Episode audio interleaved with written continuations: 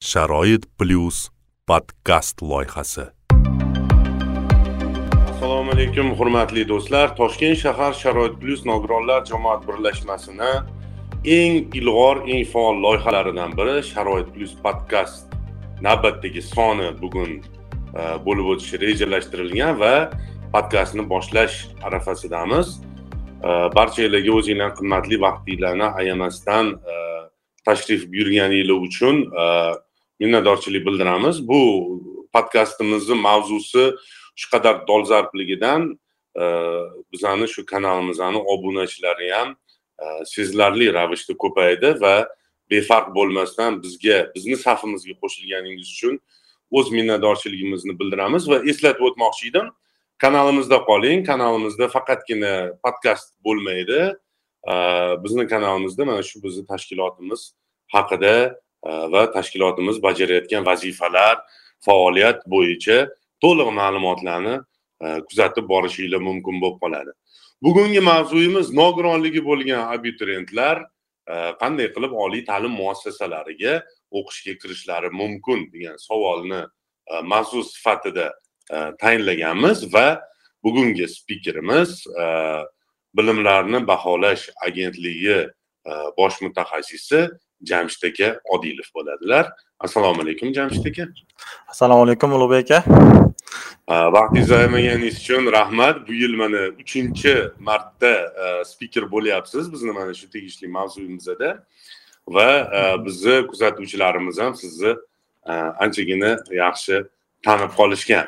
Endi jamshid aka hozirgi kundagi o'sha dolzarb bo'lib turgan masala bugungi kunda judayam ko'p joylarda ko'tarilyapti bu mavzu abituriyentlik mavzusi.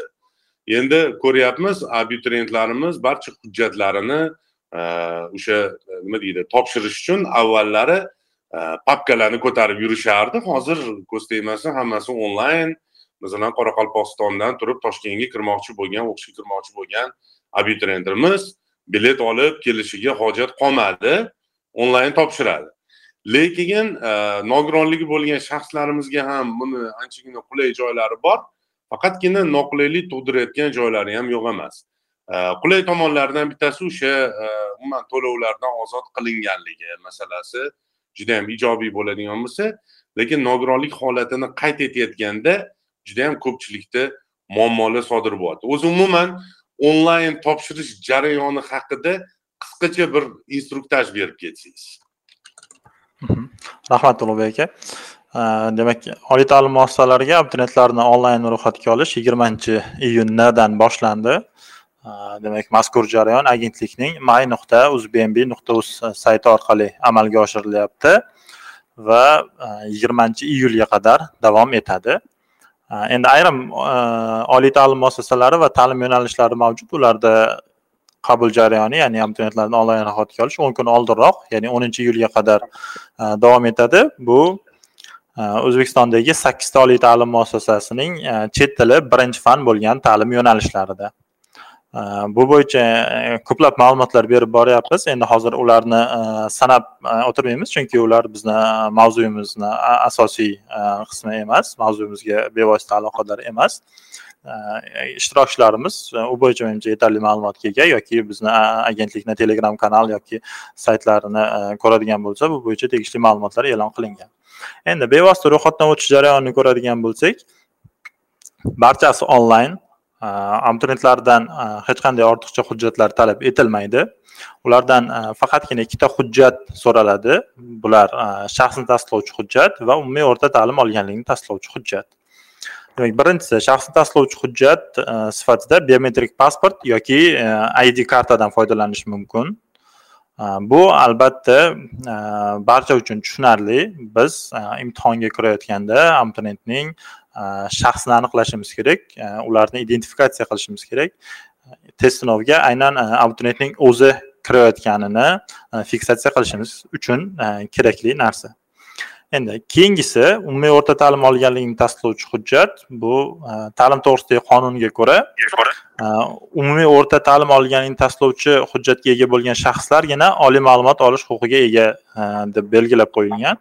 Shu sababli abituriyentlarimiz umumiy o'rta ta'lim olganligini tasdiqlovchi hujjatni ham ro'yxatdan o'tishda tegishli ma'lumotlarni kiritadilar bunda joriy yil bitiruvchilar uchun juda yam bir qulay holat mavjud. Ya'ni joriy yil bitiruvchilar tugatgan ta'lim muassasasi bo'yicha ma'lumotlarni o'zlari kiritmaydilar. Ularning mazkur ma'lumotlari tegishli vazirlik va idoralardan real vaqt rejimida olingan holda dasturda avtomatik to'ldiriladi. Misol uchun umumta'lim maktablarining bitiruvchilarini ma'lumotlari maktabgacha va maktab ta'limi vazirligi tomonidan akademik litseylar e, bitiruvchilarining ma'lumotlari esa bevosita oliy ta'lim fan va innovatsiyalar vazirligidan e, olingan holda avtomatik to'ldiriladi. E, boshqa ma'lumotlarga to'xtaladigan bo'lsak ham dastlab abituriyentimiz telefon raqamini kiritgandan so'ng Э, shaxsiy ma'lumotlarni kiritishni boshlaydi va eng birinchi o'rinda jismoniy shaxsning shaxsiy identifikatsiya raqami ya'ni e, pasportda biz mana xalq tilida pnfl deb o'rganib qolganmiz pnflni va e, pasport seriya raqamini kiritadilar. E, shu narsani kiritishni o'zi abituriyentning barcha ma'lumotlarini to'ldirilishiga yetarli. Ya'ni biz abituriyentning familiyasi ismi otasining ismi rasmi kabi biometrik ma'lumotlarini biz Э, davlat personallashtirish markazidan olib kelib dasturga joylashtiramiz. Bularni abituriyentlar qo'lda kiritmaydilar. Э, Abituriyentlarning doimiy yashash manzili bo'yicha ma'lumotlar esa ichki ishlar vazirligining э, manzil axborot tizimidan olib kelib to'ldiriladi. Bu narsalar ham e, abituriyentlar tomonidan to'ldirilmaydi. Demak tugatgan ta'lim muassasasi bo'yicha ma'lumotlarni yuqorida aytib o'tdik va abituriyentlarimizdan yagona e, so'raladigan narsa bu qaysi oliy ta'lim muassasasining qaysi ta'lim yo'nalishida o'qish istagi borligini tanlash. Faqatgina tanlov qoladi xolos. Endi nogironligi bo'lgan shaxslarda albatta nogironlikni tasdiqlovchi hujjat e, aks etishi kerak. Biz bu ma'lumotlarni respublika tibbiy ijtimoiy ekspertiza inspeksiyasining maxsus e, dasturidan olamiz. E, hozir biz ular bilan axborot tizimimizni integratsiya qilganmiz va nogironligi bo'lgan shaxslarning ma'lumotlari ulardan real vaqt rejimida kelmoqda. Э, lekin yuqorida ta'kidlaganingizdek haqiqatdan ham ayrim abituriyentlarimizda mazkur ma'lumotlar kelmayotgan holatlar mavjud. Э, bu bevosita э, respublika tibbiy ijtimoiy ekspertiza inspeksiyasining axborot tizimi bilan bog'liq holat. Ya'ni e, abituriyentimizni ma'lumotlari maxsus e, o'sha axborot tizimiga kiritilmagan bo'lishi mumkin yoki u yoqqa e, kiritilgan bo'lsa ham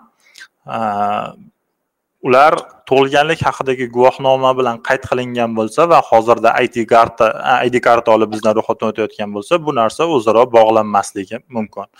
Sodda tilda aytadigan bo'lsak bilamiz o'n sakkiz yoshgacha nogironlik guruhi berilmaydi. O'zi bizda mana o'n olti yoshdan id karta berish boshlanadi.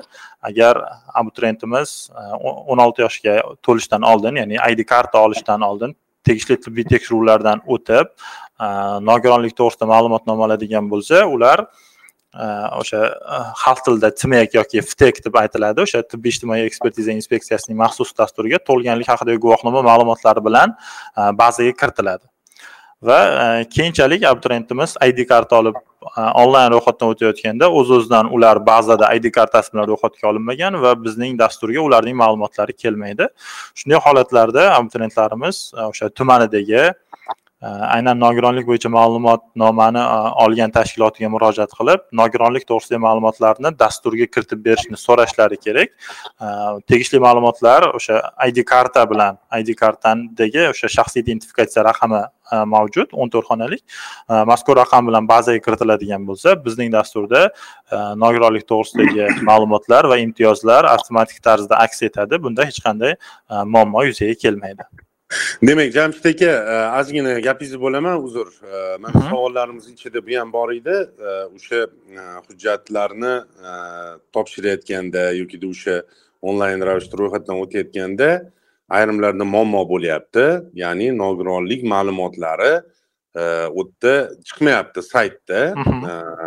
Demak o'sha abituriyent o'z yashash joyi bo'yicha ya'ni doimiy ro'yxatda turuvchi joyidan tumanidagi o'sha tibbiy ijtimoiy mehnat ekspert komissiyasi deyilyapti. Hozir ana o'sha ftekga borib murojaat qilib mana shu muammosini bayon qiladi va ular ro'yxatga kirgizib berishadi. Demak o'sha reyestrdan o'tmay qolgan bo'lsa shunaqa albatta albatta. Xuddi shunday. O'sha yuqorida ulug'bek aka batafsil aytdimki ko'pchilik abituriyentlarimizda kuzatilayotgan holat aynan shu narsa bilan bog'liq. Ya'ni ma'lumotnomani olganda ular hali id karta olmagan bo'lgan tug'ilganlik haqida guvohnoma bilan murojaat qilgan. O'z o'zidan abituriyent tug'ilganlik haqida guvohnoma bilan murojaat qilgandan so'ng ular tegishli axborot tizimiga ularning ma'lumotlarini shu bo'yicha to'ldirgan. Id kartani olgandan keyin fuqaro e, murojaat qilmaguncha ular o'sha e, fuqaroni id karta olganligidan bexabar bo'ladi va bu ma'lumotlarni o'z dasturida aks ettira olmaydi. E, shu sababli ular murojaat qilib bu ma'lumotlarni to'ldirtirishi kerak va ulug'bek aka bu yerda yana bir narsani inobatga olish kerak. Ko'plab talabgorlarimizda o'sha nogironlik to'g'risidagi ma'lumotnomani amal qilish muddati bo'ladi bilasiz amal qilish muddati tugagandan so'ng yoki tugash arafasida bo'lgan ayrim abituriyentlarimiz bee'tiborsizlik qiladi. Oldingi yillarda amaliyotda kuzatilgani uchun aytyapman. Demak nogironlik to'g'risidagi ma'lumotnoma muddati o'tgan bo'lsa ham ular topshirib qo'yadi va o'z o'zidan respublika tibbiy ijtimoiy ekspertiza inspeksiyasi buni muddati o'tgan hozir amalda emas degan ma'lumotni beradi va ularning imtiyozi qo'llanmay qolishi mumkin. Mana shu narsalarga ham e'tiborli bo'lish kerak. Abituriyentlarimiz tekshirib o'sha e, nogironlik to'g'risidagi ma'lumotnomani amal qilish muddatini agar e, tugash arafasida bo'ladigan bo'lsa murojaat qilib ma'lumotnomani yangilab qo'yishlari o'zlari uchun e, foydali va maqsadga muvofiq bo'ladi. Mhm. Tushunarli. Qarangda mana bitta savol kelgan bizga. Mm, ro'yxatdan o'tayotganda Э, avval o'tgan yili ham o'tgan ekanlar bir abituriyentimiz э, va hozir ro'yxatdan o'tmoqchi bo'lsalar telefon raqamingizni kiriting deganda o'sha ularni eski raqamlari bilan e, eslab qolgan va e, raqami noto'g'ri deyapti. U o'sha o'tgan yili ro'yxatdan o'tganlaridagi raqam saqlanib qolgan ekan. Raqamni o'zgartirish degan bandini topolmayapman. Saytdan degan savol bo'lyapti. Bu holat tushunarli ulug'bek aka bu yerda biz yigirmanchi iyun kuni yangi o'quv yili uchun abituriyentlarni ro'yxatga olishni boshlagan bo'lsak mana shu kunni o'zida demak oldin ro'yxatdan o'tgan abituriyentlarda o'sha ko'plab shu mavzuda savollar bo'lgani uchun telefon raqam va pasport ma'lumotlarini o'zaro bog'liqligini biz uzib qo'ydik. Bu uzib qo'ydik deganda qanday ya'ni abituriyentimiz biror yangi raqam bilan ro'yxatdan o'tib shaxsiy identifikatsiya raqamini kiritsalar oldin sizni pasport ma'lumotlaringiz mana bu raqamga biriktirilgan. Siz mana shu raqam orqali tizimga kirishingiz kerak degan ma'lumot aks etardi. Xuddi hozir siz ta'kidlaganingiz kabi. Mm-hmm. endi yangi holatda esa abituriyent yangi telefon raqami bilan kirib pasport ma'lumotlarini kiritadigan bo'lsalar yangi telefon raqamiga o'z o'zidan bu pasport ma'lumotlari biriktiriladi. Bunda hech qanday muammo yo'q. Bu narsa bartaraf etilgan. Endi yigirmanchi iyundan so'ng bu holat kuzatilgan bo'lsa ya'ni aytaylik yigirma birinchi iyun kuni yangi telefon raqami ro'yxatdan o'tib pasport ma'lumotlarini kiritdilar va ro'yxatdan o'tdilar. Lekin ikki kun o'tib yigirma uchinchi kuni yoki yigirma to'rtinchi kuni bu telefon raqamini yo'qotib qo'ydi va boshqa bir raqamdan ro'yxat ro'yxatga e, ro'yxatdan o'tishga urinadigan bo'lsalar albatta bu ma'lumot chiqadi. Siz e, mana shu raqam bilan ro'yxatdan o'tgansiz shu e, ma'lumot bilan kirishingiz kerak degan ogohlantirish chiqadi. Nima uchun bu narsa bo'lishi kerak? Balki o'sha yangi raqam bilan kirib pasport ma'lumotlarini kiritganda yangi raqamga bog'lab ketsa bo'lmaydimi degan savol bo'lishi mumkin. Ulug'bek aka bu narsa xavfsizlik jihatidan noto'g'ri hisoblanadi. Chunki misol uchun men abituriyent bo'ladigan bo'lsam va e, o'z telefon raqamim bilan ro'yxatdan o'tdim va tegishli ta'lim yo'nalishlarini tanladim e, meni o'qituvchimda e, yoki boshqa bir shaxslarda mening pasport kopiyam bo'lishi mumkin. Э, pasport kopiyamizda bilamiz o'sha э, o'n to'rt xonalik э, jismoniy shaxsning shaxsiy identifikatsiya raqami bo'ladi. Istalgan odam yo boshqa bir raqamdan kelib meni e, pasport kopiyamdagi raqamlarni kiritib o'ziga biriktirib ro'yxatdan o'tib ketadigan bo'lsa bu xavfsizlik jihatdan to'g'ri hisoblanmaydi. Shuning uchun bir marta telefon raqamiga biriktiriladi va mana shu telefon raqam doimiy identifikatsiya vositasi hisoblanadi. Bu e, deyarli barcha platformalarda mavjud. Mana o'sha e, facebookdan foydalanamizmi yoki e, instagramdan foydalanamizmi telegramdan foydalanamiz istalgan o'sha axborot tizimlaridan foydalanganimizda telefon raqami eng asosiy identifikator hisoblanadi. Agar biz parolimizni unutib qo'ysak ham yoki boshqa bir holat bo'lsa ham parolni tiklash funksiyasidan foydalanib telefon raqamimizga kod yuborib o'sha kodni kiritish orqali biz tegishli dostupni o'zimizga olib davom etishimiz mumkin. Э, hozir siz so'rayotgan narsa bartaraf qilingan. E, demak yigirmanchi iyundan keyin bu holat kuzatilgan bo'lsa ya'ni yangi ro'yxatdan o'tib bu raqamni yo'qotib qo'ygan bo'lsalar e, agentlikning barcha e, viloyatlarda jumladan qoraqalpog'iston respublikasida ham hududiy vakillari mavjud. Agar abituriyentimiz shaxsni tasdiqlovchi hujjat bilan shaxsan o'zi borib bizni hududiy vakillarimizga murojaat qiladigan bo'lsalar abituriyentning haqiqatda o'zi ekanligini tekshirib o'sha shaxsni tasdiqlovchi hujjat bilan birgalikda tekshirib e, o'zi ekanligiga ishonch hosil qiladigan bo'lsalar ularning telefon raqamlarini almashtirib berish imkoniyatiga egalar. Ularga bu imkoniyat yaratib berilgan. Mhm. tushunarli. Kattakon rahmat. E, endi e, keling mana ro'yxatdan o'tish haqida gaplashdik. Endi aynan imtiyozlar haqida gaplashadigan bo'lsak man eslatib o'tmoqchi edim. Э, kuzatuvchilarimizga э, hurmatli tinglovchilar э, bugungi suhbatimiz faqatgina bakalavr bosqichiga kirish imtihonlariga bag'ishlanadi. Bu yerda savollarni ichida magistratura va doktorantura bo'yicha ham ko'plab savollar kelib tushgan. Bizni o'sha bilimlarni baholash agentligi mana jamshid akani o'zlaridan eshitamiz. Mas'ulmi magistratura va doktorantura? Rahmat ulug'bek aka demak oliy ta'lim muassasalariga o'qishga kirishda biz faqat bakalavriatni qabuli bilan shug'ullanamiz magistraturaga qabulda bilamiz imtihonlar o'tkazilmayapti. U yerda o'sha diplomdagi o'rtacha balli va chet tili sertifikati asosida qabul amalga oshirilmoqda va bu faoliyat bilan oliy ta'lim fan va innovatsiyalar vazirligi shug'ullanmoqda demak o'sha doktorantura bo'yicha ham vazirlik vakolatli organ hisoblanadi. Biz bu jarayonlarda ishtirok etmaymiz. Shuning uchun bizda bu bo'yicha ma'lumotlar mavjud emas va biz bu bo'yicha ma'lumotga ega bo'lgan taqdirimizda ham ma'lumot berishimiz to'g'ri hisoblanmaydi. Chunki bunga mas'ul tashkilot hisoblanmaymiz. Bo'ldi. Rahmat kattakon. Endi qarang imtiyozlar haqida bevosita tushunchalarni to'liq mustahkam qilib berib ketsangiz mana savol qo'yilyapti. O'zi qanaqa imtiyozlar qo'llaniladi nogironligi bo'lgan shaxslarga? Qaysi toifasidan kelib chiqib qanaqa imtiyozlar bor deyilyapti tushunarli. Demak nogironlik bo'lgan shaxslar uchun eng birinchi imtiyoz bu e, test sinovlarida ishtirok etish uchun to'lovning amalga oshirilmasligi. E, bilamiz ikki ming o'n to'qqizinchi yildan boshlab test sinovlarida ishtirok etish uchun bazaviy hisoblash miqdorining yarim baravari miqdorida to'lov amalga oshiriladi. E, bunda ayrim toifadagi abituriyentlar to'lovdan ozod qilingan. Bular joriy yil test sinovlari o'tkazilayotgan yilda ta'lim muassasalarini tugatgan abituriyentlar Э, bundan tashqari nogironligi bo'lgan shaxslar to'liq davlat ta'minotidagi shaxslar ijtimoiy himoya yagona reyestriga kiritilgan shaxslar va ularning farzandlari hamda yoshlar daftariga kiritilgan yoshlar. Demak mana shu toifani ichida o'z o'zidan nogironligi bo'lgan shaxslar ham mavjud. Ular e, birinchi yil test sinovida ishtirok etishimi ikkinchi yilmi beshinchi yilmi buni farqi yo'q.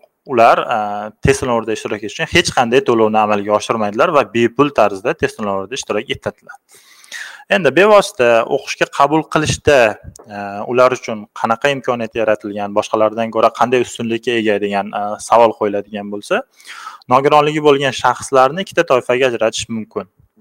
E, birinchisi ko'zi ojizligi bo'yicha nogironligi bo'lgan shaxslar ikkinchisi demak boshqa toifadagi barcha nogironlik guruhlari. Э, demak э, bu yerda э, ajratib ko'radigan bo'lsak ko'zi ojiz abituriyentlarimiz uchun alohida kvotalar ajratiladi. Bunda ularning miqdori belgilanmagan. Ular uchun e, alohida imtihonlar tashkil etiladi. Ya'ni ular test sinovlarida ishtirok etmaydilar. O'z o'zidan o'sha ijodiy imtihon desak ham bo'ladi yoki an'anaviy tarzdagi imtihon desak ham bo'ladi. Bu oliy ta'lim muassasalari tomonidan tashkil etiladi va uning formati oliy ta'lim muassasasi tomonidan belgilanadi. Lekin odatda aksariyat holatlarda bu imtihonlar suhbat tarzida tashkil etiladi. Yoki brayl alifbosida tashkil etilishi ham mumkin. Bu bevosita oliy ta'lim muassasasiga bog'liq lekin demak oliy ta'lim muassasasi qaysi formatni tanlasa og'zaki suhbat albatta. yoki yozma deb bemalol oliy ta'lim muassasasi talab qilishi mumkin. Yozma qilib yozib bering deb. albatta. Endi bu narsa e, qonunchilikda o'sha vazirlar mahkamasini ikki ming o'n yettinchi yildagi uch yuz to'qson uchinchi son qarori mavjud.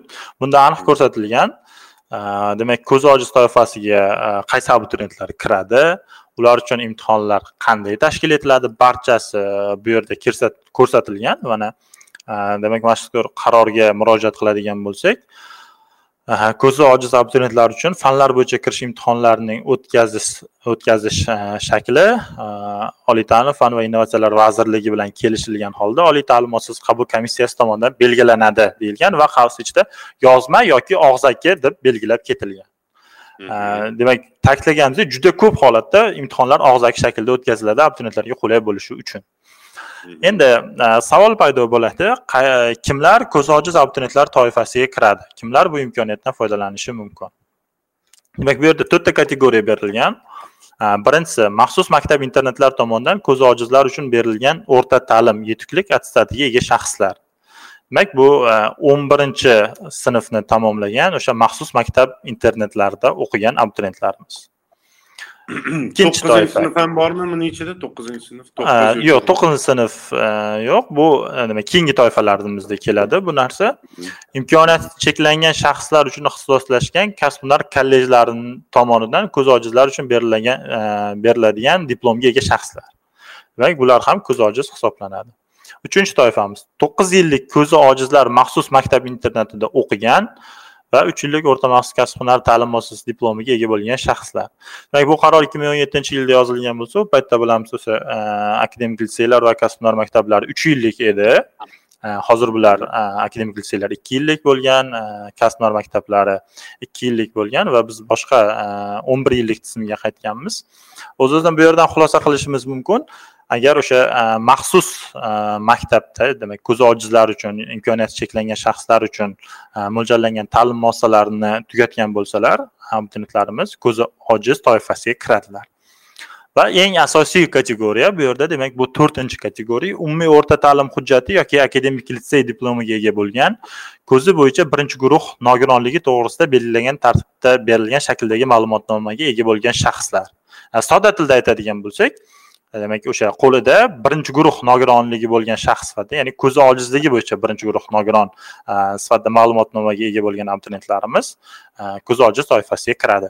Agar abituriyentimiz mana shu demak to'rtta toifadan xulosa qilishimiz mumkinki ko'zi bo'yicha nogironligi ikkinchi guruh bo'ladigan bo'lsa va umumiy tartibdagi maktabda o'qigan bo'lsa ko'zi ojiz toifasiga kirmaydi. Э, agar э, nogironlik guruhi ikki yoki uch bo'lsa ham maxsus maktabda o'qigan bo'lsa ular ko'z ojiz toifasiga kiradi. Agar birinchi guruh bo'ladigan bo'lsa ular qayerda o'qiganini ahamiyati yo'q barchasi ko'z ojiz abituriyent sifatida qaraladi. Demak mana shu yerdan biz ularni toifasini ajratib olishimiz mumkin. Kimlar ko'z ojiz toifasiga kiradi kimlar ko'z ojiz toifasiga kirmaydi. Demak yuqorida ta'kidladik ularni imtihonlari oliy ta'lim muassasalari qabul komissiyasi tomonidan o'tkaziladi deb. Va bu yerda o'sha komissiya tashkil etilganda komissiya tarkibiga ko'z ojizlar yoki nogironlar jamiyatining vakili ham kiritiladi. Oliy ta'lim muassasalari bu jarayonlarga maxsus xodimlarni jalb qilishadi. Demak bular ko'z ojizlar yoki nogironlar jamiyatining vakillari. Bu jarayonda ishtirok etib o'sha imtihonlar qanday o'tkazilayotgani haqiqatdan ham to'g'ri tashkil etilayotganligi bo'yicha o'zini xulosalarini berishi mumkin.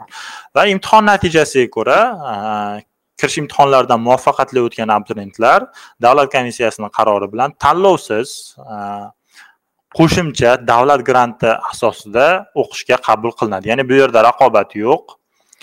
Imtihondan o'tdingiz degan narsani o'zi ularni talaba bo'lishi uchun yetarli. Va bu ya'ni qoniqarli baho uchga teng bo'lgan bahoni kami ha uch to'rt yoki besh baho yetarli. Demak besh balli baholash tizimi bo'ladigan bo'lsa uch to'rt yoki besh baho agar e, yuz ballik baholash tizimi bo'yicha baholanadigan bo'lsa ellik besh foiz va undan yuqori olish e, talaba bo'lish uchun yetarli hisoblanadi. Bu toifadagi abituriyentlarimiz sonidan qat'iy nazar qancha bo'lishidan qat'iy nazar barchasi davlat granti asosida o'qishga qabul qilinadi ya'ni bunda cheklov yo'q. endi o'z o'zidan keyingi toifaga o'tamiz. Demak ko'zi ojizlik toifasidan tashqari boshqa toifadagi nogironlik bo'ladigan bo'lsa demak ular uchun alohida ikki foizlik qo'shimcha davlat granti asosidagi kvotalar ajratiladi. Bu nima degani? Bu deylik bir oliy ta'lim muassasasiga mingta kvota ajratilgan va uni ikki foizi yigirmata bo'ladi demak e, mazkur oliy ta'lim muassasasiga alohida yigirmata nogironligi bo'lgan shaxslar uchun davlat granti asosidagi kvotalar ajratiladi. Bunday toifadagi abituriyentlarimiz e, soni qancha bo'lishidan qat'iy nazar e, ular balki o'ttizta bo'lar balki o'nta bo'lar. Belgilangan kvotadan ko'p bo'lishi ham mumkin kam bo'lishi ham mumkin. Bu turli oliy ta'lim muassasalarida Э, turlicha holatga kelib qoladi chunki abituriyentlarni э, o'sha nogironligi bo'yicha э, har xil joyga o'sha moslashtirib yuborish imkoni mavjud emas. Ular o'zlari xohlagan joyga o'qishga kirish uchun ro'yxatdan o'tadilar. Demak abituriyentlarimiz test sinovlarida ishtirok etib to'plagan ballari asosida eng yuqori balldan quyi ballga qarab taqsimlanadi. Ya'ni eng yuqori ball to'plagan abituriyentimiz birinchi o'ringa keyingisi ikkinchi o'ringa qilib saralanadi va o'sha kvota doirasida. ko'pligiga qarab ketma ket ballar ketma ket qilinadi va albatta. eng ko'p ball to'plagan va ellik besh foizdanmi yuqori bo'lganlar talabalikka qabul qilinadi. Endi bu yerda minimal cheklov o'ttiz foiz hisoblanadi o'ttiz foiz. tanlovda ishtirok etish huquqini beradi. O'ttiz foiz to'pladi degani o'qishga qabul qilindi degani emas. Bu narsaga alohida e'tibor qaratish kerak. Chunki ayrim abituriyentlarimizda bo'ladiki mana men o'ttiz foizdan yuqori to'pladim men o'qishga kirishim kerak degan murojaatlar bo'ladi. Bunday emas demak o'ttiz foizdan yuqori to'plash bu mana shu imtiyozdan foydalanish shu imtiyoz doirasida tanlovda ishtirok etish huquqini beradi xolos. Demak o'zaro tanlovda ishtirok etib yuqoriroq ball to'plash kerak e, o'qishga kirish uchun. Bu yerda e, ulug'bek bir narsani alohida ta'kidlash kerak. O'zi e, davlat komissiyasi tomonidan oliy ta'lim muassasalariga o'qishga kirish uchun minimal o'tish ballari tasdiqlanadi har yili. Va oldingi yillarni ko'radigan bo'lsak davlat granti uchun minimal o'tish balli o'ttiz olti foiz to'lov kontrakt uchun o'ttiz foiz etib belgilanganini ko'rishimiz mumkin. Demak imtiyoz doirasidami yoki imtiyozdan tashqarimi Э, umumiy tartibda bo'ladimi? Abituriyent grant asosida o'qishga kirish uchun eng kamida maksimal ballning o'ttiz olti foizini demak hozirgi holatda mana maksimal ball bir yuz sakson to'qqiz ball bo'ladigan bo'lsa eng kamida oltmish sakkiz ball to'plash kerak grant asosida o'qishga kirish uchun. Har qanday e, imtiyozi bo'lsa ham. Bu yerda yagona istisnoli holat bor bu ham nogironlik bo'lgan shaxslar uchun. Ya'ni ular e, o'ttiz olti foiz emas o'ttiz foiz to'plashi ularning grant asosida tanlovda ishtirok etishi uchun yetarli hisoblanadi. Boshqa biror toifa uchun oltiyu yetti adashmasam. Ha albatta. Ellik oltiyu yetti ballni to'plashi ularni tanlovda ishtirok etishiga asos bo'la oladi. Ana shunday holatlar bo'ladi. Ayrim imtiyozlarimizda deylik o'nta kvota ajratilgan va test sinovida ishtirok etganlarni besh nafari oltmish sakkizdan yuqori to'plagan besh nafari oltmish sakkizdan past to'plagan. Demak besh nafari qabul qilinadi qolgan besh nafari oltmish sakkiz balldan kam to'plagani uchun kvota mavjud bo'lsada ular talabalikka qabul qilinmaydi. Nogironlik bo'lgan shaxslarda unday emas. Demak oltmish sakkiz balldan tushib ellik olti butun o'nda yetti ballgacha tanlov amalga oshiriladi. Kvota yetarli bo'lsa. Endi kvota borasida savol bo'lishi mumkin. Kvota yetarlimi? Kvota kam emasmi? O'zi umuman bularni e, proporsiyasi qanaqa degan savol bo'ladigan bo'lsa oldingi yillardan e, kelishib aytishimiz mumkin. Nogironlik bo'lgan shaxslarning o'tish balli e, yuqori hisoblanmaydi. Odatda oltmish yetmish ball atrofida bo'ladi. Endi ayrim bir oliy ta'lim muassasalarida deylik Э, toshkent davlat yuridik universiteti yoki э, jahon iqtisodiyoti va diplomatiya universitetida biroz yuqori bo'lishi mumkin. Э, lekin bunday oliy ta'lim muassasalari soni juda yam kam ayrim oliy ta'lim muassasalarida hatto ellik olti butun o'nda yetti ball ham grant asosida aynan nogironligi bo'lgan shaxslar uchun o'qishga kirishga yetarli bo'ladi. Ya'ni kvotalar soni yetarli. Abituriyentlarimizdan faqatgina biroz harakat biroz yuqoriroq natija ko'rsatish so'raladi xolos. Mana joriy yil uchun hali kvotalar soni chiqmadi lekin o'tgan yilnikini hozir aytishimiz mumkin. Mana ikki ming yigirma ikkinchi yilda nogironligi bo'lgan shaxslar uch ming olti yuz o'n yettita qo'shimcha kvota ajratilgan. Demak bu umumiy kvotadan tashqari boshqalarga ta'sir qilmagan holda aynan nogironligi bo'lgan shaxslar uchun ajratilgan kvota. Va joriy yilda ajratiladigan kvota bundan kam bo'lmaydi aniq aytishimiz mumkin bundan kam bo'lmaydi. Bundan ko'p bo'lishi aniq lekin bundan kam emas. Yaqin kunlarda bu narsa rasman tasdiqlanib e'lon qilinadi va shunda abituriyentlarimiz ko'rishi mumkin qaysi ta'lim shakli uchun qaysi oliy ta'lim muassasasi uchun e, qancha kvota ajratilgan? Va e, mana shu kvotalardan kelib chiqib e, o'z tanlovini amalga oshirishlari mumkin bo'ladi abituriyentlarimiz ya'ni qayergadir ko'proq ajratilgan qayergadir kamroq ajratilgan shundan kelib chiqib demak o'zlari prognoz qilib mana shu oliy ta'lim muassasasiga topshirsam bo'ladi degan o'zlarini tanlovini amalga oshirishlari mumkin bo'ladi. Endi bu yerda ham savol paydo bo'ladi. Kimlar nogironligi bo'lgan shaxslar toifasiga kiradi? Demak buning uchun vazirlar mahkamasini ikki ming o'n sakkizinchi yildagi to'rt yuz o'n yettinchi son qaroriga murojaat qilamiz. Demak bu qarorda ko'rsatilgan kimlar nogironligi bo'lgan shaxslar toifasiga kirishi. Demak mana shu qaror bilan tasdiqlangan nizomni uchinchi bandida shunday tahrirda keltirilgan. Oliy ta'lim muassasalariga nogironligi bo'lgan shaxslarni qo'shimcha kvota asosida o'qishga qabul qilish toifasiga umumiy o'rta ta'lim yoki o'rta maxsus ta'lim tashkiloti yoxud boshlang'ich professional ta'lim kasblar maktabini tugatganligi haqidagi hujjatga hamda birinchi va ikkinchi guruh nogironligi to'g'risida belgilangan tartibda berilgan shakldagi ma'lumotnomaga ega birinchi va ikkinchi guruh nogironligi bo'lgan shaxslar shuningdek nogironligi bo'lgan bolalar kiradi. Sodda tilda aytadigan bo'lsak e, demak e, nogironlik bo'lgan shaxslarni qo'lida ma'lumotnoma mavjud va unda nogironlik guruhi keltirilgan. Agar e, nogironlik guruhi birinchi guruh yoki ikkinchi guruh bo'ladigan bo'lsa bu toifaga kiradi. Yoki hali o'sha e, nogironlik guruhi beriladigan yoshga yetmasdan nogiron bola sifatida ma'lumotnoma berilgan bo'lsa ular ham nogironligi bo'lgan shaxs toifasiga kiradi. Lekin uchinchi guruh e, nogironligi bor shaxs sifatida berilgan bo'lsa bular nogironligi bor shaxs sifatida imtiyozdan foydalana olmaydi ular bu guruhga kirmaydi. Aha tushunarli. Endi jamshid aka mana imtiyozlar haqida gaplashdik. Endi endi judayam ko'plab savollar bo'ladi. Imkoniyatlar masalasi ya'ni e, imtiyoz bilan hujjatini topshirdi. Masalan o'sha ikki foizli kvotaga da'vogarlikka masalan e, parametrligi parametrlarga to'g'ri kelyapti. Lekin shunaqa toifa nogironligi bo'lgan e, bizani yurtdoshlarimiz borki ular mustaqil o'sha test varaqalarini bo'yash e, imkoniyatiga ega emaslar. Masalan o'sha jismoniy holatlaridan kelib chiqib yokida misol uchun shunaqa fuqarolarimiz bor eshitish bo'yicha nogironligi bo'lgan fuqarolarimiz bor. Masalan e, ular kirganlarida o'sha testlarni bo'yashda misol uchun baribir abituriyentlarga instruktaj o'tiladiku boshida to'g'rimi? Test jarayoni boshlanishidan oldin. Misol uchun e, ana o'sha jarayonlarni e, tushunishlarida ularga imo ishora tili tarjimoni masalan talab qilinadi. Bu masalalarda qanaqangi yangiliklar bor? Tushunarli.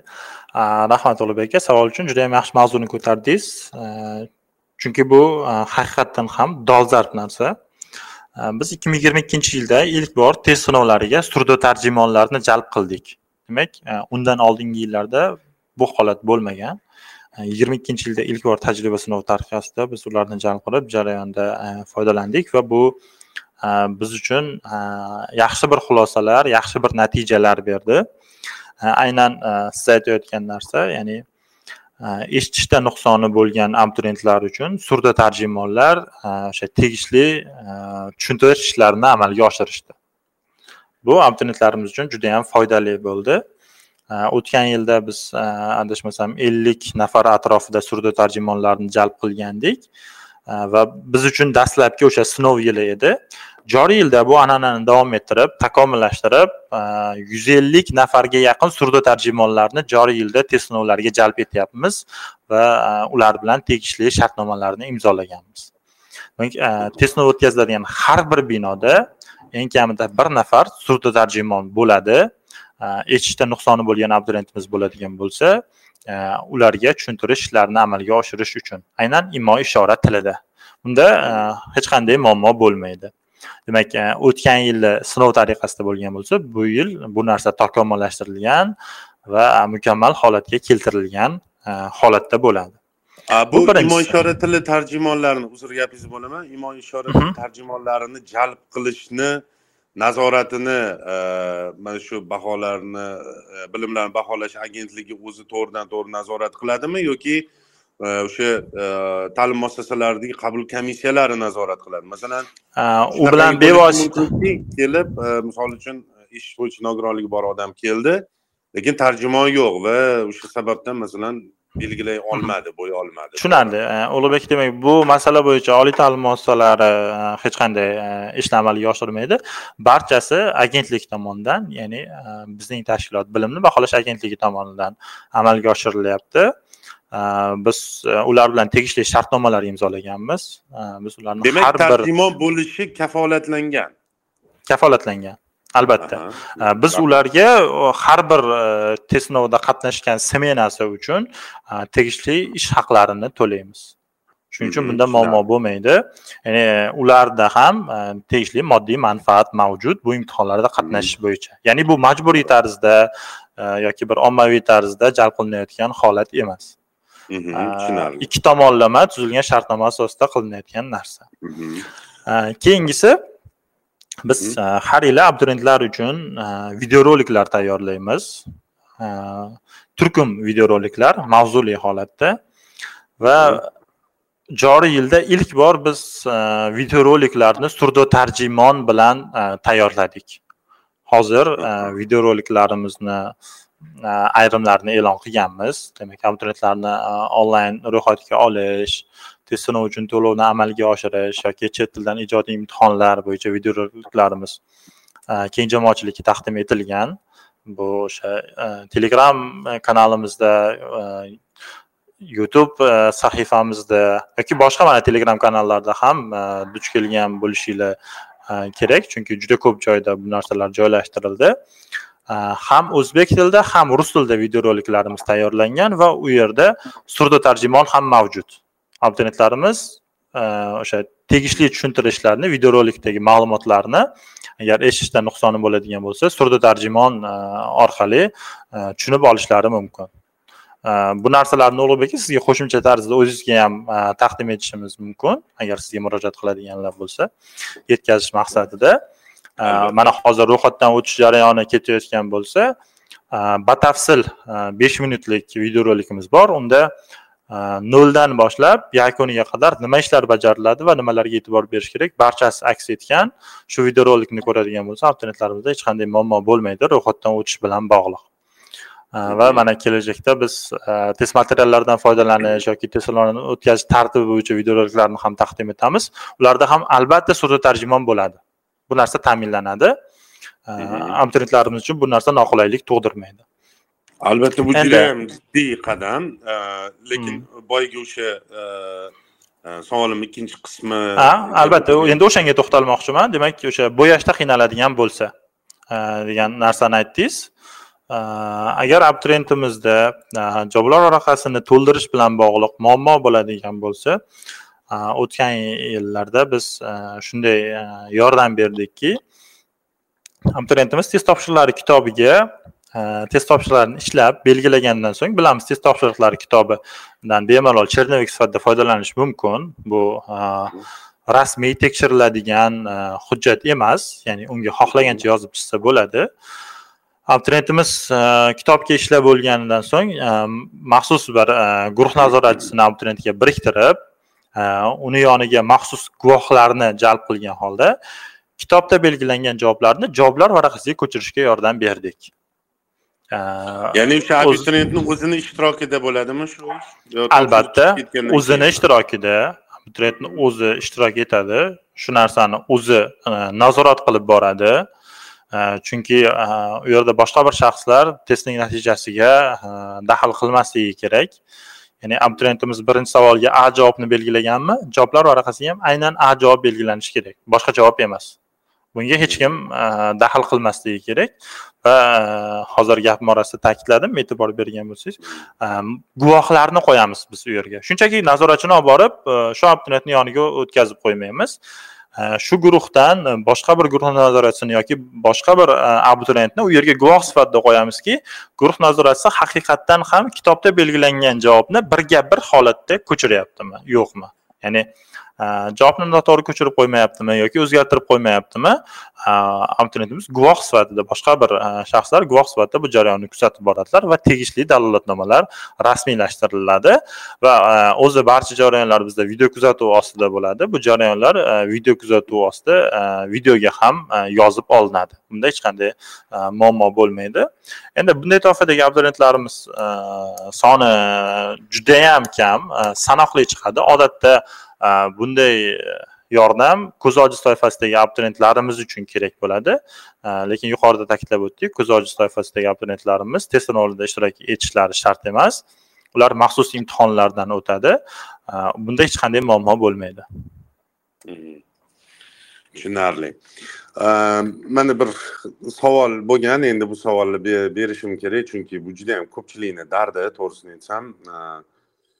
Chekka joylarda va umuman o'zimizni shu poytaxtimizda ham ko'pchilik nogironligi bo'lgan insonlarni uy ta'limida tahsil olish endi holati majburiy ixtiyoriy holat bo'lib qoladi sababi o'sha maktablarga yetib borish imkoniyati bo'lmaydi maxsus ta'lim muassasasiga yetib borish imkoniyati bo'lmaydi yokida ota onalar xohlamaydi oddiy maktabda o'qishini uyiga kelib masalan o'qituvchi ta'lim berishini xohlaydi. Lekin bu afsuski o'sha bilim darajasini pasayib ketishiga nimagadir shunaqa tendensiya bor bilim darajasi pasayib ketishiga kelyaptida mana bir abituriyentimiz so'rayaptiki man mana topshirib ikki yildan beri kirolmayapman. Uy ta'limida tahsil olganman. Shu bo'lmayapti. Qanaqadir bir test sinovlarida mana shu tomonlarini ham baribir inobatga olinsa bo'ladimi yo'qmi? degan savolni berishyapti. Tushunarli ulug'bek mana yuqorida ta'kidladik imtiyozdan foydalanish uchun eng kamida o'ttiz foiz maksimal ballni o'ttiz foizini to'plash kerak deb. Bu aslida judayam past qo'yilgan planka. Ya'ni minimal talab judayam quyi holatda belgilangan aslida ozgina bo'lsa ham tayyorlangan abituriyent uchun bu qiyinlik tug'dirmaydi. Va yuqorida ta'kidlaganimdek nogironlik bo'lgan shaxslar uchun o'tish balli oltmish yetmish ball atrofida bo'ladi odatda. Ko'p oliy ta'lim muassasalarida shunaqa holatda bo'ladi. Endi nima uchun bu judayam baland emas judayam quyi ball deb aytyapman? Matematikadan ozgina bo'lsa ham xabardor inson biladi. Ehtimollar nazariyasi bo'yicha hisob kitoblarni amalga oshirish mumkin test sinovlarida to'plash mumkin bo'lgan maksimal ball bir yuz sakson to'qqiz va abituriyentlarda to'rtta javob varianti beriladi. A b s d. Agar abituriyent e, birorta test topshirig'ini ishlamasdan kitobni ochib ko'rmasdan ham e, bitta harfga bo'yaydigan bo'lsa shu harfning to'g'ri chiqish ehtimolligi yigirma besh foiz. E, hmm. O'z o'zidan mana maksimal ball bir yuz sakson to'qqiz ball bo'ladigan bo'lsa buni yigirma besh foizi qirq yettiyu yigirma besh bo'ladi. Ya'ni abituriyentimiz hech narsani bilmaydi shunchaki kirdi a javobga belgilab chiqdi yoki b javobga belgilab chiqdi. O'rtacha qirq yetti butun yuzda yigirma besh atrofida kimdadir ellik kimdadir qirq besh ball atrofida ball chiqadi. Biz talab qilayotgan ball ellik olti butun o'nda yetti. Ya'ni qo'shimchasiga ikkita uchta test topshirig'ini ishlash o'zi belgilangan minimal talabni bajarish uchun yetarli. Endi ballni ozgina tushiradigan bo'lsak o'z o'zidan test sinovi o'tkazishdan hech qanday mantiq qolmaydi. Shuning uchun o'sha belgilangan minimal talablar mavjud. Ya'ni ular uchun savollar soddalashtirib berilmaydi. Ular uchun alohida kvota ajratilyapti. Oddiy mana yuridik universiteti uchun oddiy abituriyent bir yuz yetmish ball bilan kontrakt asosida o'qishga kirayotgan bo'lsa nogironlik bo'lgan shaxsimiz nogironlik bo'lgan abituriyentimiz sakson yoki to'qson ball bilan davlat grant asosida o'qishga kiradi. O'rtadagi farq judayam katta. Deyarli barcha oliy ta'lim muassasalarini ko'rish mumkin. Nogironlik bo'lgan shaxslar uchun o'tish balli umumiy o'tish ballidan anchagina farq qiladi va anchagina pastroq bo'ladi bu albatta o'sha abituriyentlarimiz uchun ball qo'shib berish yoki boshqa shakldagi imtiyozlardan ko'ra ancha yaxshi. Mana ko'p abituriyentlarimizda bo'ladi alohida kvotani nima qilaman menga ball qo'shib bering deydi. Bu narsani ham ko'rib chiqsak bo'ladi. Mana test sinoviga kirdi abituriyentimiz deylik mana sakson ball to'pladi.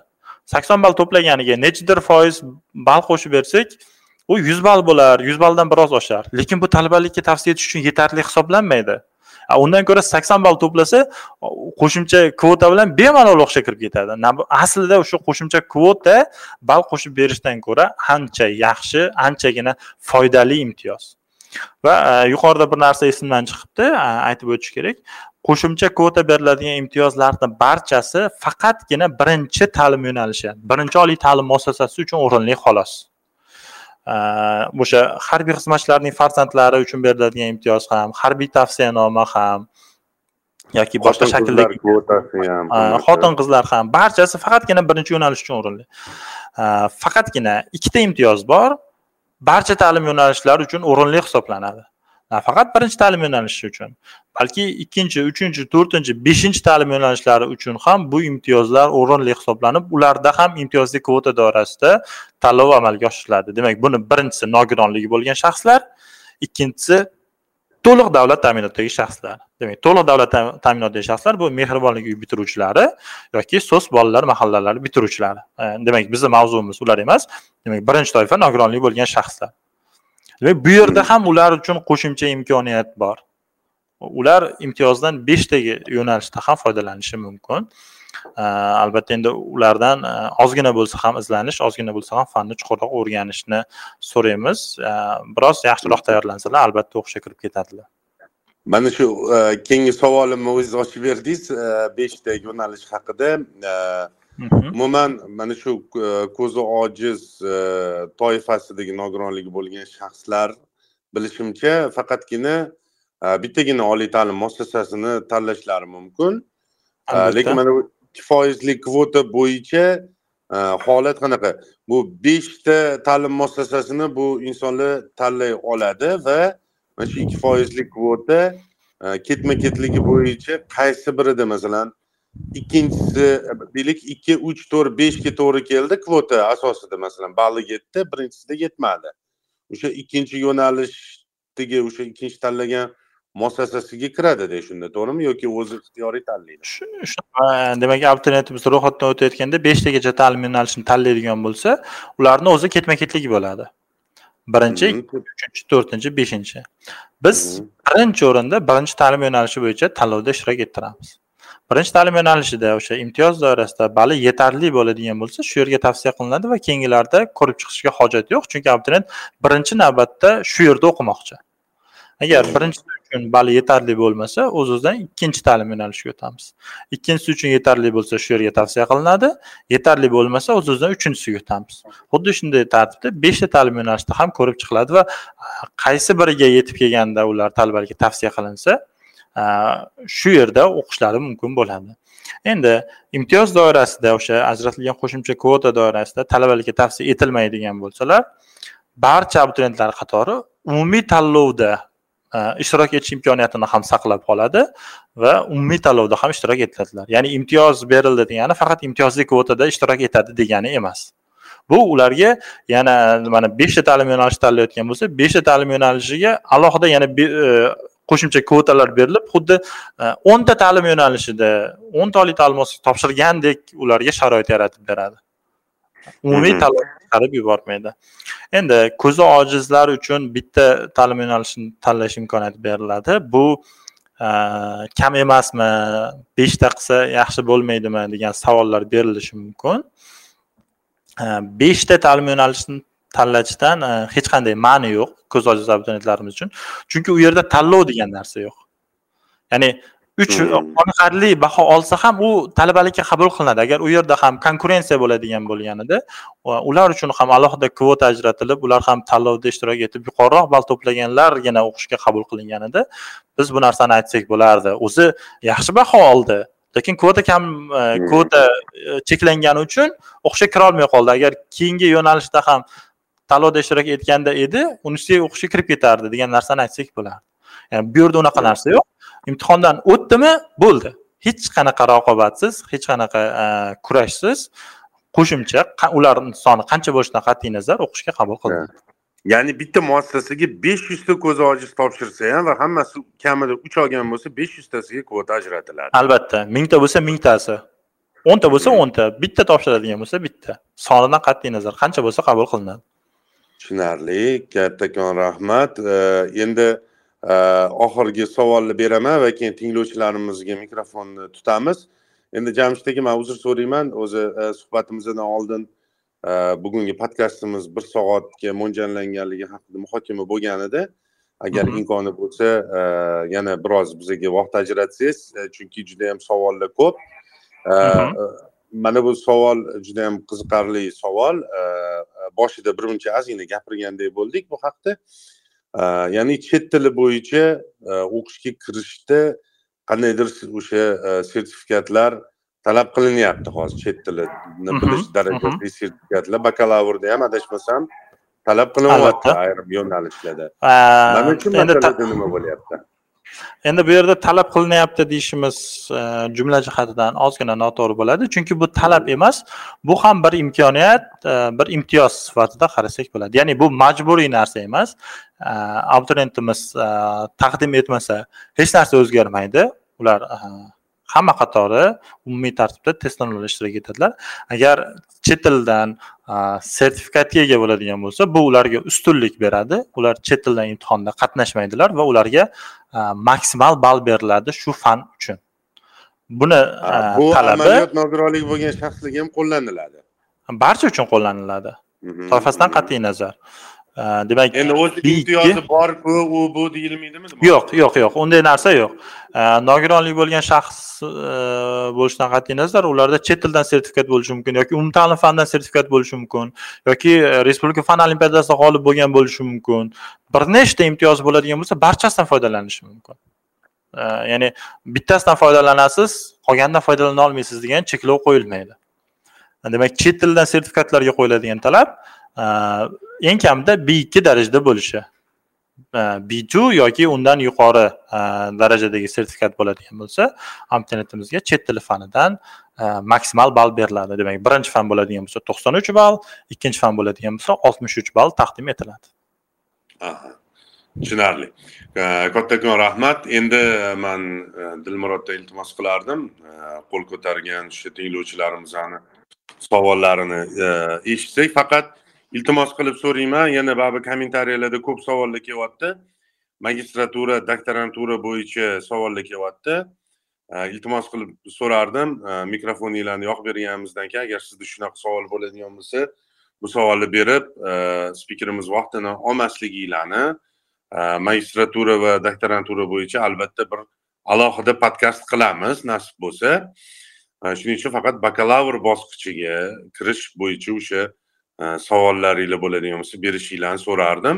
Va to'g'ridan to'g'ri ogohlantiraman agar magistratura yoki doktorantura haqida savol bo'ladigan bo'lsa biz bu savollarni javobsiz qoldirib o'tib ketaveramiz.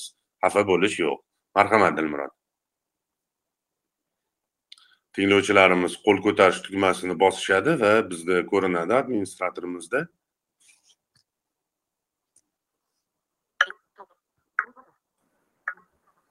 O'zi ayrim ishtirokchilarga so'z berilibdi ham shekilli. Assalomu alaykum. Assalomu alaykum marhamat. O'zingizni tanishtirib savolingizni qisqa bayon qilib bersangiz. Uh, mani ismim bekzod abituriyent edim xo'sh my nuqta uzbnb nuqta uz saytida o'sha nogironlik imtiyozim chiqqan va uni to'g'risida tekshirilmoqda degan yozuv chiqyaptida bu qachongacha tekshiriladi shu haqida ma'lumot bering. Rahmat. Tushunarli rahmat. E, bizda oldingi yillarda e, bunday amaliyot bo'lgan. Biz tegishli ma'lumotlarni qabul jarayoni yakunlangandan so'ng respublika tibbiy ijtimoiy ekspertiza inspeksiyasiga taqdim etib э, qo'shimcha tarzda tekshirtirib olganmiz. Э, agar sizda haqiqatdan ham nogironlik to'g'risida ma'lumotnoma bo'ladigan bo'lsa siz э, hech qanday xavotirga o'rin yo'q. Sizniki tegishli tashkilot tomonidan e, tasdiqlab beriladi. E, xavotir olmasangiz bo'ladi. Bu narsani o'sha e, qabul jarayonlari yakunlanib imtihonda test sinovida ishtirok etish uchun ruxsatnoma olganingizda ruxsatnomangizda ham aks etadi. Tasdiqlangan bo'lsa u yerda imtiyozingiz turgan bo'ladi tasdiqlamagan bo'lsa olib tashlangan bo'ladi. Shu yerda qo'shimcha bir tekshiruv vazifasini bajaradi siz uchun. Haqiqatda mavjud bo'ladigan bo'lsa amal qilish muddati o'tmagan bo'lsa xavotirga o'rin yo'q. Yoki o'sha id karta bilan bog'liq omilni aytib o'tdingizu boya o'sha? Aha E, bularda unaqa holat yo'q chunki e, imtiyozi kelib chiqib turibdi. Aha tushunarli rahmat. Rahmat. Rahmat. Keyingi tinglovchimizga mikrofon beramiz.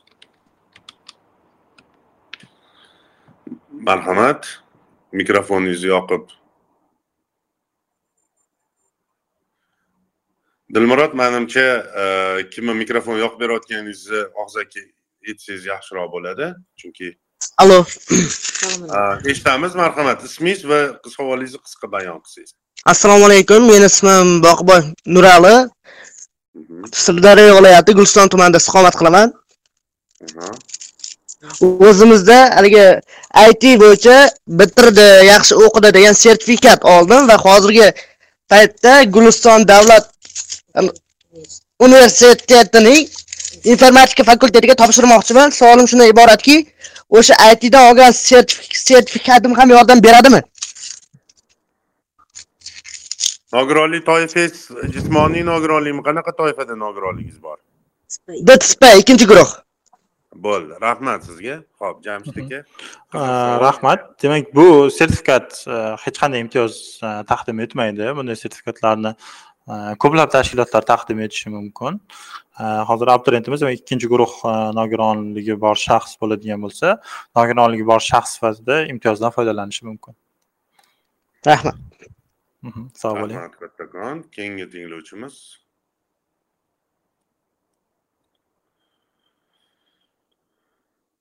Marhamat. Mikrofonlarni yoqib savolinglarni berishinglar mumkin bo'ladi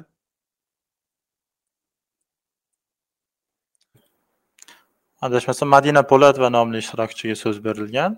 Ularda mikrofon. Madina uh, gulmira nomli ishtirokchimiz paydo bo'ldi. Gulmira. Ishtirokchilar demak sizlarga so'z berilgandan so'ng e'tibor bersanglar o'rtada o'sha qo'l ko'tarish odam qo'l ko'tarib turgan rasmni o'rnida mikrofonni rasmi turadi o'rtasidan chizilgan. Shuni ochib savol berishinglar kerak assalomu alaykum assalomu alaykum men usmonova men usmonova gulmira ikkinchi guruh nogironiman hozirgi chiqqan o'sha milliy sertifikatga topshirishda to'lovda anaqalarda ham imtiyoz bormi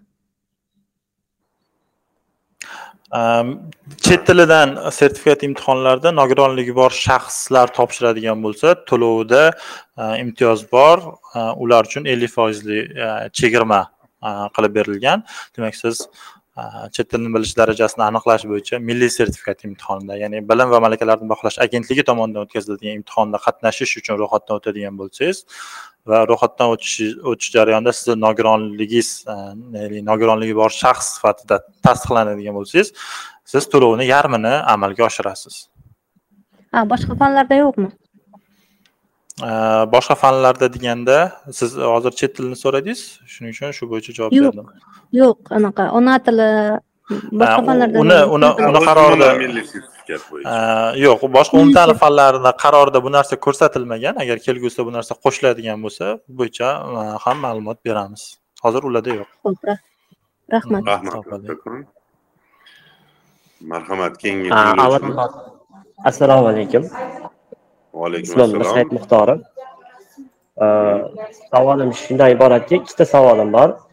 Birinchi savol sizlar umumiy nogironlik va ko'z ojizlarni deb belgilagansizlar o'tgan yili ham bu savolni bergandim lekin hali ham bu masala ochiq qolyapti sizlar qayerdan bilasizlar qay- qaysi binoda eshitishda nuqsoni bo'lgan shaxs topshirishini? Bu birinchi savol.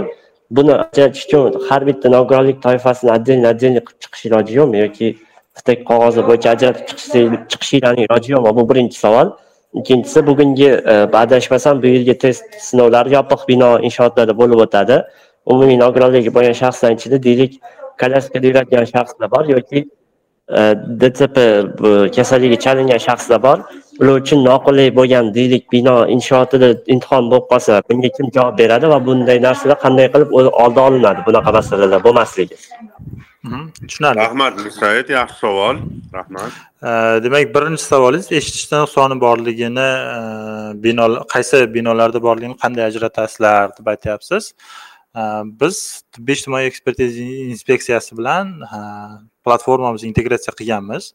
Ular e, nogironlik toifalarini to'liq ajratib bera olganda biz e, bu ma'lumotga ega bo'lardik.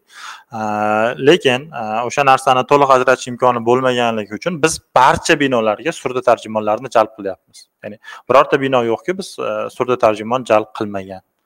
Demak o'tgan yil uchun bu holatni ayta olmayman. O'tgan yil tajriba sinov edi. Lekin joriy yilda barcha binoda surdo tarjimonlar bo'ladi.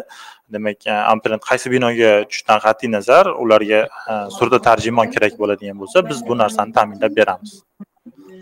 Siz ajratsanglar bo'ladi. Aka minbor uzr chunki sizlarda sizlarga yuklangan bazada nogironlik toifasi belgilanadiyu surdo tarjimonlar bekordan bekorga ovora qilmaslik uchun demoqchi edim o'shandan qarab akajon qarang mana men sizga aytyapman.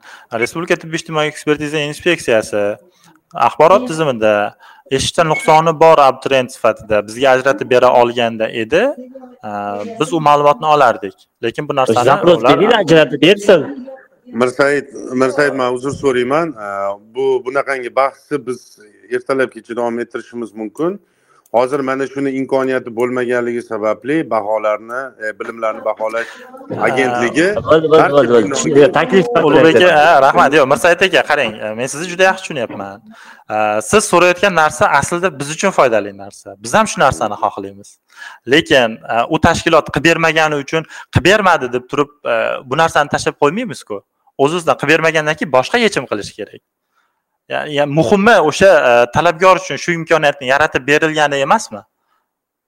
To'g'ri endi bu yerda aytayotgan narsamiz qarang surdo tarjimonni biz ovora qilmayapmiz. Biz surdo tarjimon bilan shartnoma imzolayapmiz va uni e, test sinovida ishtirok etgan har smenasi uchun kunlik demayapman har smenasi uchun alohida ish haqi to'lanadi va bu kam miqdorda emas.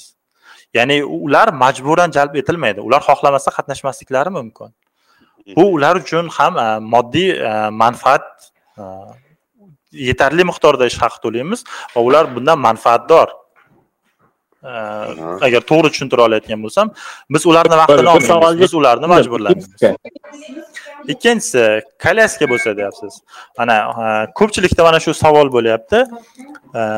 Ochiq maydonlar yaxshi emasmidi?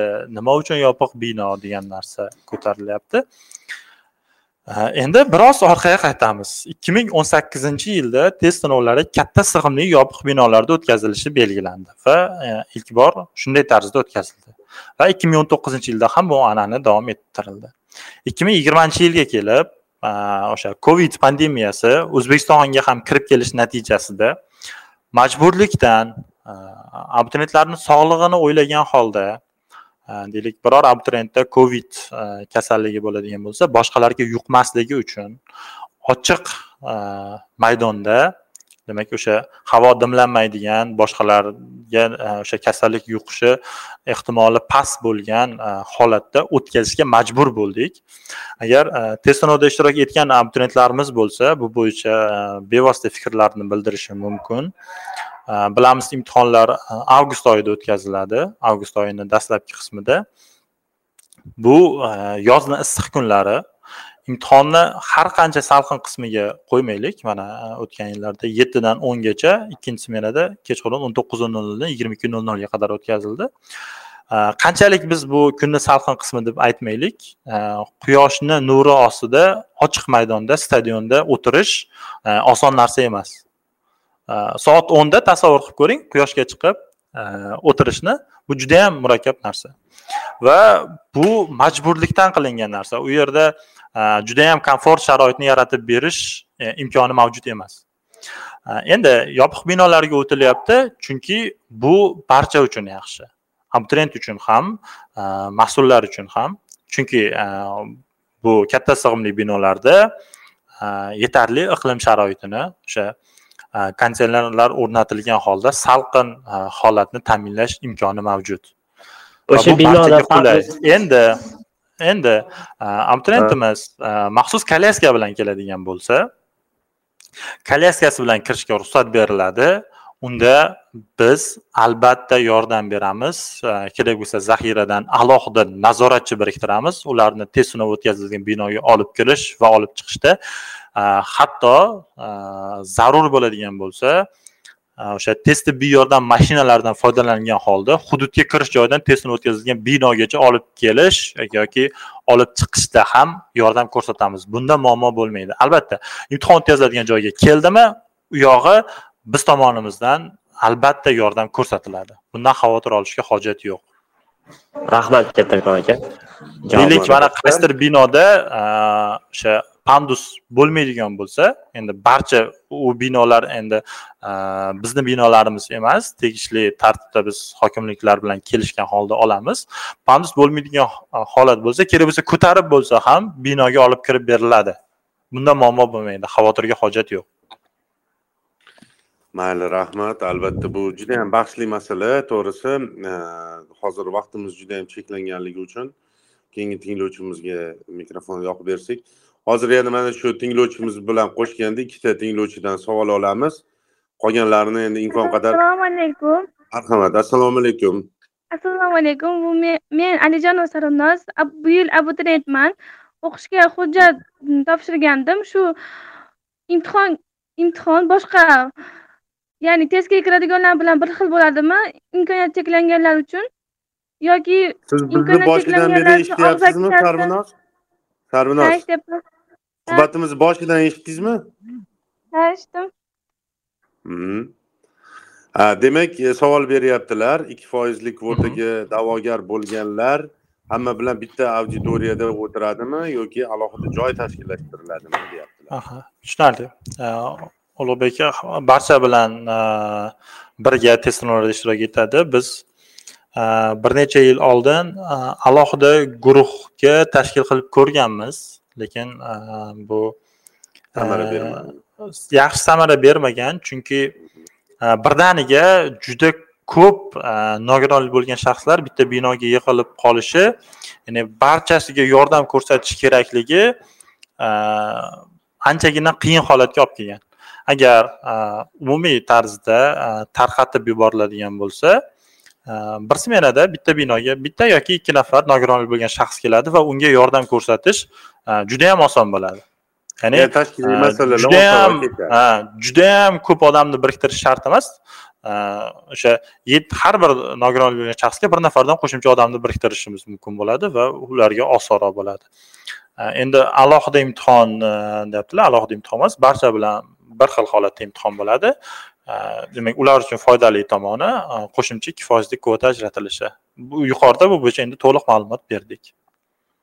Rahmat. Albatta hamma bilan bitta joyda imtihon topshirganlarni ham juda yam ijobiy tomonlari bor deb o'ylayman. Endi bu mani shaxsiy fikrim e, o'sha baribir e, boshqalar bilan teng nima deydi sharoitlarda imtihon topshirishga baribir bu imkoniyat bo'lsa yaxshi. Shaxsan o'zim hamma bilan teng kirib chiqib imtihon topshirsam yaxshi deb o'ylayman albatta o'zi shunaqa holatlar bo'ladi.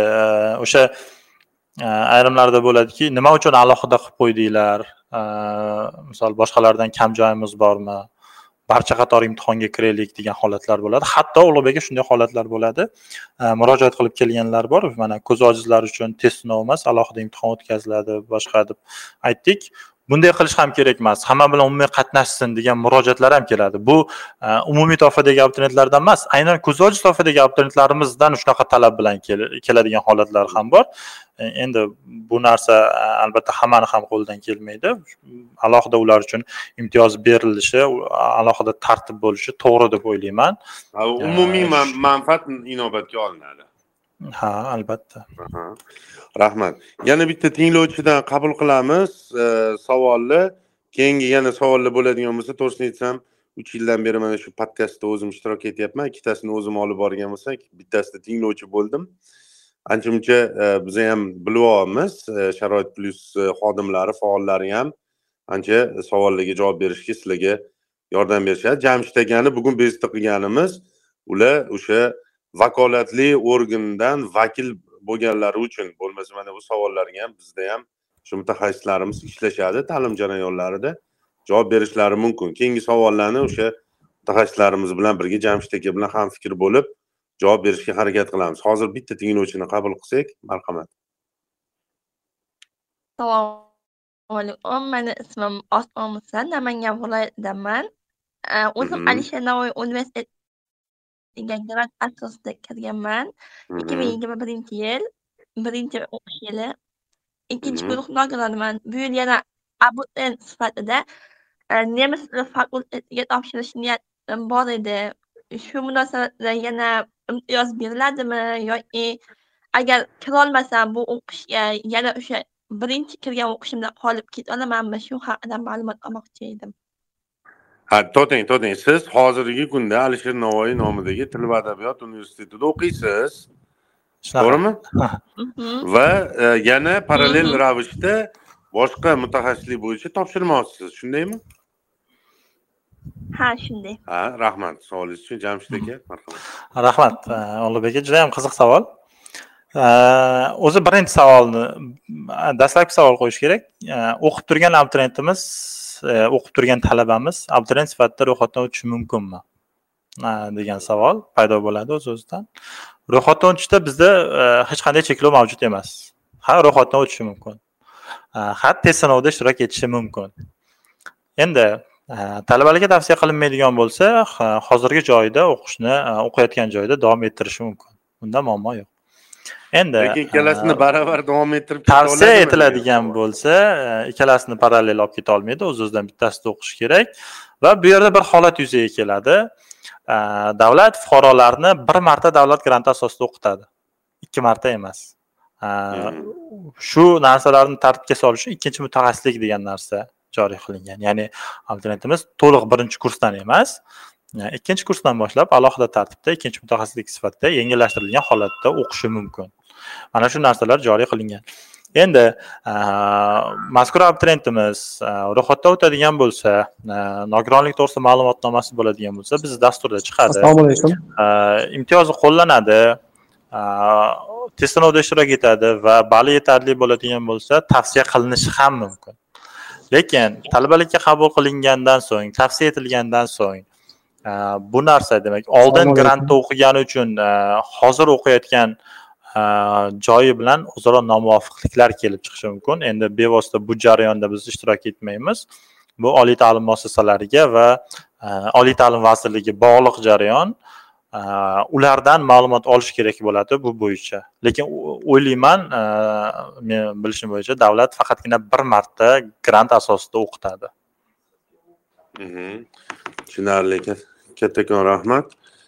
Demak savollarni qabul qildik e, imkon doirasida va o'sha qabul qilolmagan savollarimizga yana eslatib o'taman. Biz e, o'zimiz javob berishga harakat qilamiz. E, endi jamshid aka mana podkastimiz o'z nihoyasiga yetib boryapti. Va siz o'zingizni shu qimmatli vaqtingiz mana bugun o'zi qisqartirilgan ish kuni.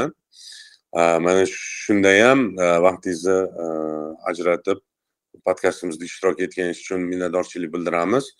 Va shu suhbatimiz yakunida mana shu abituriyentlarimizga va bizni kuzatayotgan yurtdoshlarimizga tilaklaringiz bo'lsa bemalol bildirishingiz mumkin. Mhm. Rahmat ulug'bek aka. Men o'zi sizga ham rahmat aytmoqchiman. Chunki e, shunday podkastlar e, tashkil etib e, bir foydali kontent yaratyapsizlar biz bunda shunchaki ishtirokchimiz. Э, albatta э, bunday podkastlarda ishtirok etishni rad etishni o'zi noto'g'ri bo'ladi. Э, har qanday davlat tashkiloti bunday podkastlarga bunday bir tadbirlarga birinchi o'rinda har qanday tadbirni yig'ishtirib labbay deb javob berish kerak. Birinchi bo'lib shunday podkastlarda ishtirok etish kerak deb hisoblayman. Э, abituriyentlarimiz uchun esa э, test sinovlariga э, puxta tayyorgarlik ko'rishlarini tavsiya qilaman. Albatta ularni barchasi talabalik baxtiga musharraf bo'lishsin. Ro'yxatdan o'tish paytida qandaydir muammolarga e, yoki qandaydir tushunmovchiliklarga duch keladigan bo'lsalar e, agentlikning o'n bir to'qson besh e, qisqa raqamli kol markazi mavjud. Mana shu o'n bir to'qson besh e, raqamiga qo'ng'iroq qilib tegishli ma'lumotlarni olsalar bo'ladi tegishli tavsiyalarni olsalar bo'ladi. Bizni operatorlarimiz e, albatta e, tushuntirishlarni amalga oshiradilar. Va imtihonga borganda qandaydir yordam kerak bo'ladigan bo'lsa tortinmasdan e, shu yerdagi mas'ullardan guruh nazoratchilaridan yoki agentlik mutaxassislaridan so'rash kerak. Ular qo'lidan kelgancha qonunchilik doirasida mumkin bo'lgan barcha yordamni ko'rsatadilar. E, bundan hech qachon tortinmaslik kerak. E, buni albatta so'rash kerak. Endi shunday holatlar bo'ladi. Bilamiz nogironligi bo'lgan shaxslarni barchasini ham tashqi tomondan ko'rib e, bu narsaga baho bera olmaymiz. E, ayrim abituriyentlarimiz tashqi ko'rinishdan juda yam sog'lom ko'rinishi mumkin lekin ularda o'sha tegishli nogironlik e, guruhlari mavjud bo'lishi mumkin. Shuning uchun murojaat qilishdan tortinmaslik kerak albatta murojaat qilish kerak va bu bo'yicha tegishli yordam ko'rsatiladi.